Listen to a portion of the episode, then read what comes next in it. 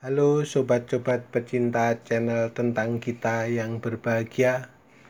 Selamat berjumpa lagi dengan saya Sukowaspodo Kali ini dalam konten Healthy Life.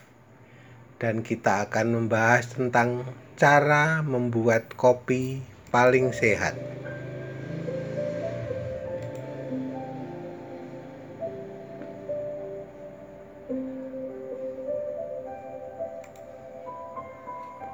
Sobat, kita semua mungkin minum lebih banyak kopi untuk membantu kita selamat dari kuncian COVID-19. Beberapa waktu yang lalu, para ilmuwan mengumumkan cara paling sehat untuk membuat minuman. Studi pertama yang meneliti hubungan antara metode pembuatan kopi dan risiko serangan jantung serta kematian telah menyimpulkan bahwa minuman yang disaring adalah yang paling aman. Penelitian ini diterbitkan beberapa hari yang lalu di European Journal of Preventive Cardiology, sebuah jurnal dari European Society of Cardiology. Studi kami memberikan bukti kuat dan meyakinkan tentang hubungan antara metode pembuatan kopi, serangan jantung, dan umur panjang. Kata penulis studi Profesor Dax S. Daly dari University of Gothenburg, Swedia. Kopi tanpa penyaringan mengandung zat-zat yang meningkatkan kolesterol darah menggunakan penyaringan menghilangkan ini dan membuat serangan jantung dan kematian dini lebih kecil kemungkinannya. Sobat, kopi adalah salah satu minuman paling populer di seluruh dunia dan stimulan yang paling sering digunakan. Sekitar 30 tahun yang lalu, Profesor Tele menemukan bahwa minum kopi dikaitkan dengan peningkatan kolesterol total dan kolesterol jahat LDL. Sedemikian rupa sehingga kemungkinan besar akan berdampak buruk bagi kesehatan jantung. Eksperimen mengidentifikasi zat penyebab dalam kopi dan menemukan bahwa mereka dapat dihilangkan menggunakan penyaringan. Secangkir kopi tanpa penyaringan mengandung sekitar 30 kali konsentrasi zat penambah lemak dibandingkan dengan kopi yang disaring.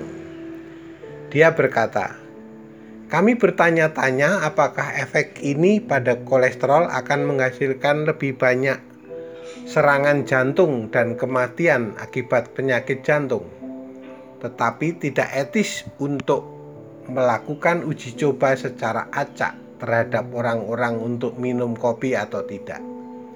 Jadi kami membuat studi populasi besar dan beberapa dekade. Nanti kami melaporkan hasilnya. Antara tahun 1985 dan 2003, penelitian ini mendaftarkan sampel yang representatif dari populasi Norwegia 508.747 pria dan wanita sehat berusia 20 hingga 79 tahun. Peserta menyelesaikan kuesioner tentang jumlah dan jenis kopi yang dikonsumsi.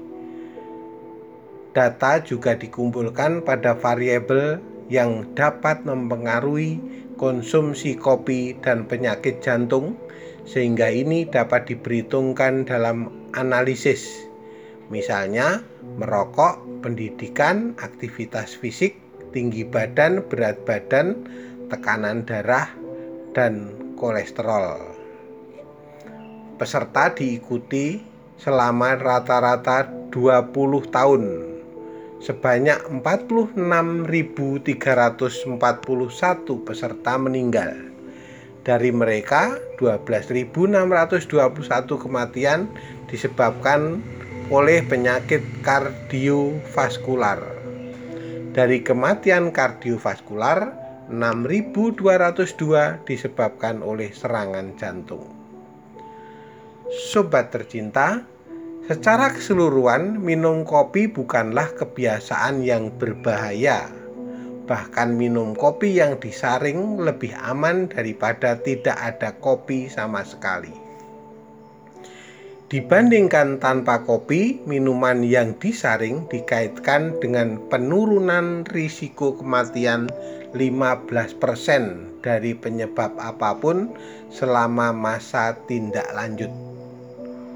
Untuk kematian akibat penyakit kardiovaskular, minuman yang disaring dikaitkan dengan 12% penurunan risiko kematian pada pria dan 20% risiko kematian pada wanita yang lebih rendah dibandingkan tanpa kopi. Kematian terendah adalah di antara konsumen 1 hingga 4 cangkir kopi yang disaring per hari. Profesor Tele berkata, temuan bahwa mereka yang meminum minuman yang disaring ternyata sedikit lebih baik daripada mereka yang tidak minum kopi sama sekali. Tidak dapat dijelaskan oleh variabel lain seperti usia, jenis kelamin, atau kebiasaan gaya hidup. Jadi, kami pikir pengamatan ini benar.